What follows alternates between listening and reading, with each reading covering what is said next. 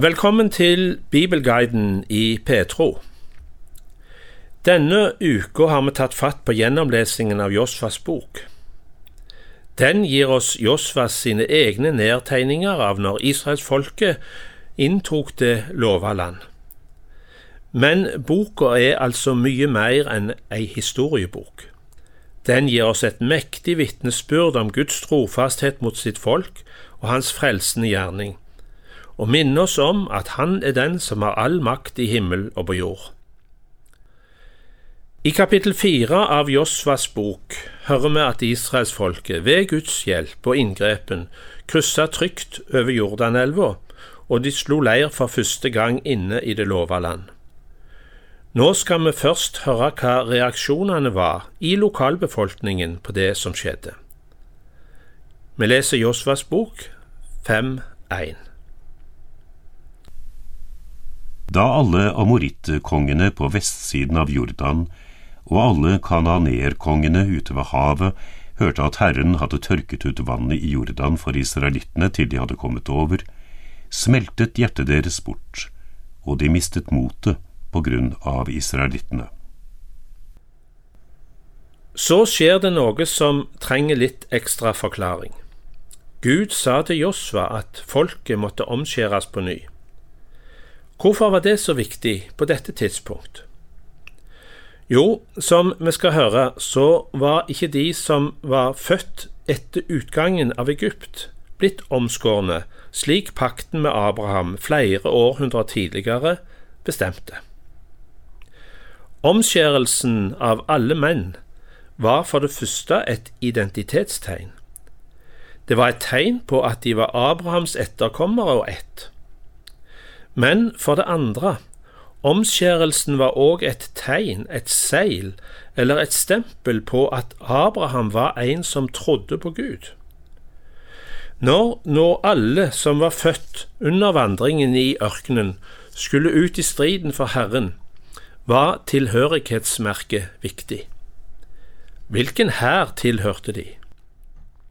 Jo, Israels hær, og de trengte et merke som viste det.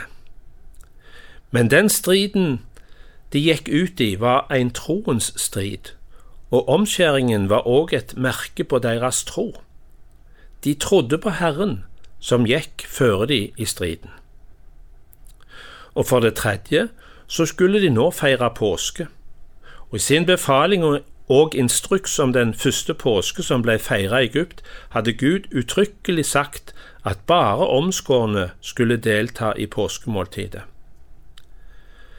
For at hele folket skulle kunne delta i den kommende påskefeiringen, måtte altså de gutter og menn som var født de siste 40 år, omskjæres.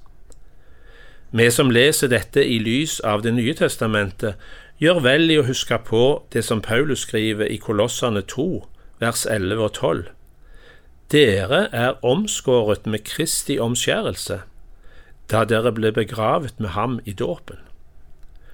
Dåpen er den nye pakts tegn, der vi får motta korsets tegn og troens gave.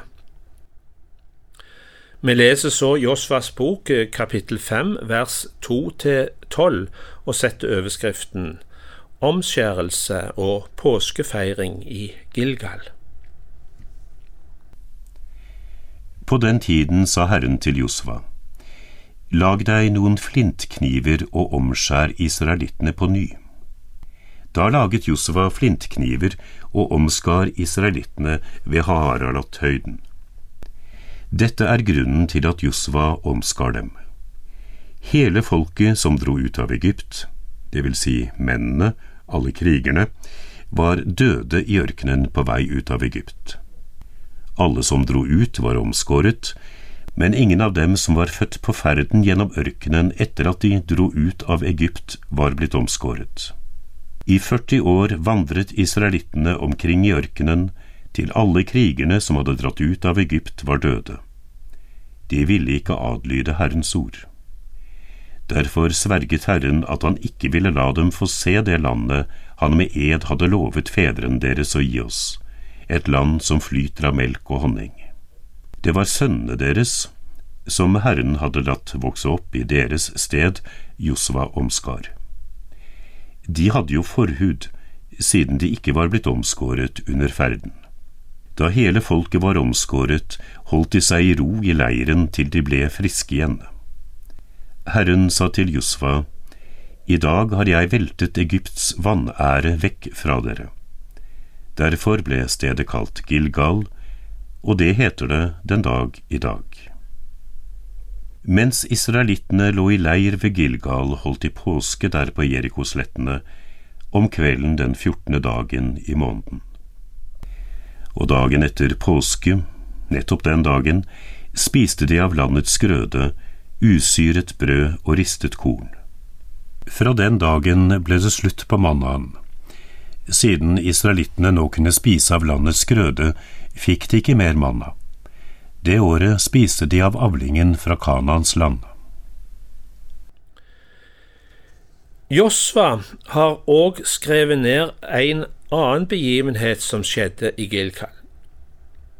Nå får han besøk av en utsending fra Gud, føreren for Herrens hær. Når vi møter en slik tittel, forstår vi at eh, det her ikke er en vanlig engel eller en annen utsending fra Gud, men det er Jesus sjøl som kommer med oppmuntring og trøst til Josva. Josva var nå i en pressa situasjon. Overgangen over elva Jordan ligger bak. Foran ligger byen Jeriko, som skal inntas, en oppgave som ligger tungt på folkets nye fører. Han trengte en bekreftelse på at dette ikke var hans strid, men Guds strid. Vi leser de siste tre versene i Josva, kapittel fem. Den guddommelige hærfører. En gang Josva var ved Jeriko, så han opp og fikk øye på en mann som sto framfor ham med løftet sverd i hånden. Josva gikk bort til ham og sa, Er du med oss eller med fiendene våre? Mannen sa, Nei, jeg er føreren for Herrens hær, nå er jeg kommet. Da falt Josva ned med ansiktet mot jorden og sa, Hva har min herre å si til sin tjener? Føreren for Herrens hær svarte Josva, Ta skoene av føttene, for stedet du står på, er hellig. Det gjorde Josva. Josva fikk altså enda et tegn på at tida for å rykke fram var kommet. Neste gang i Bibelguiden skal vi høre om det forunderligste slag i historien.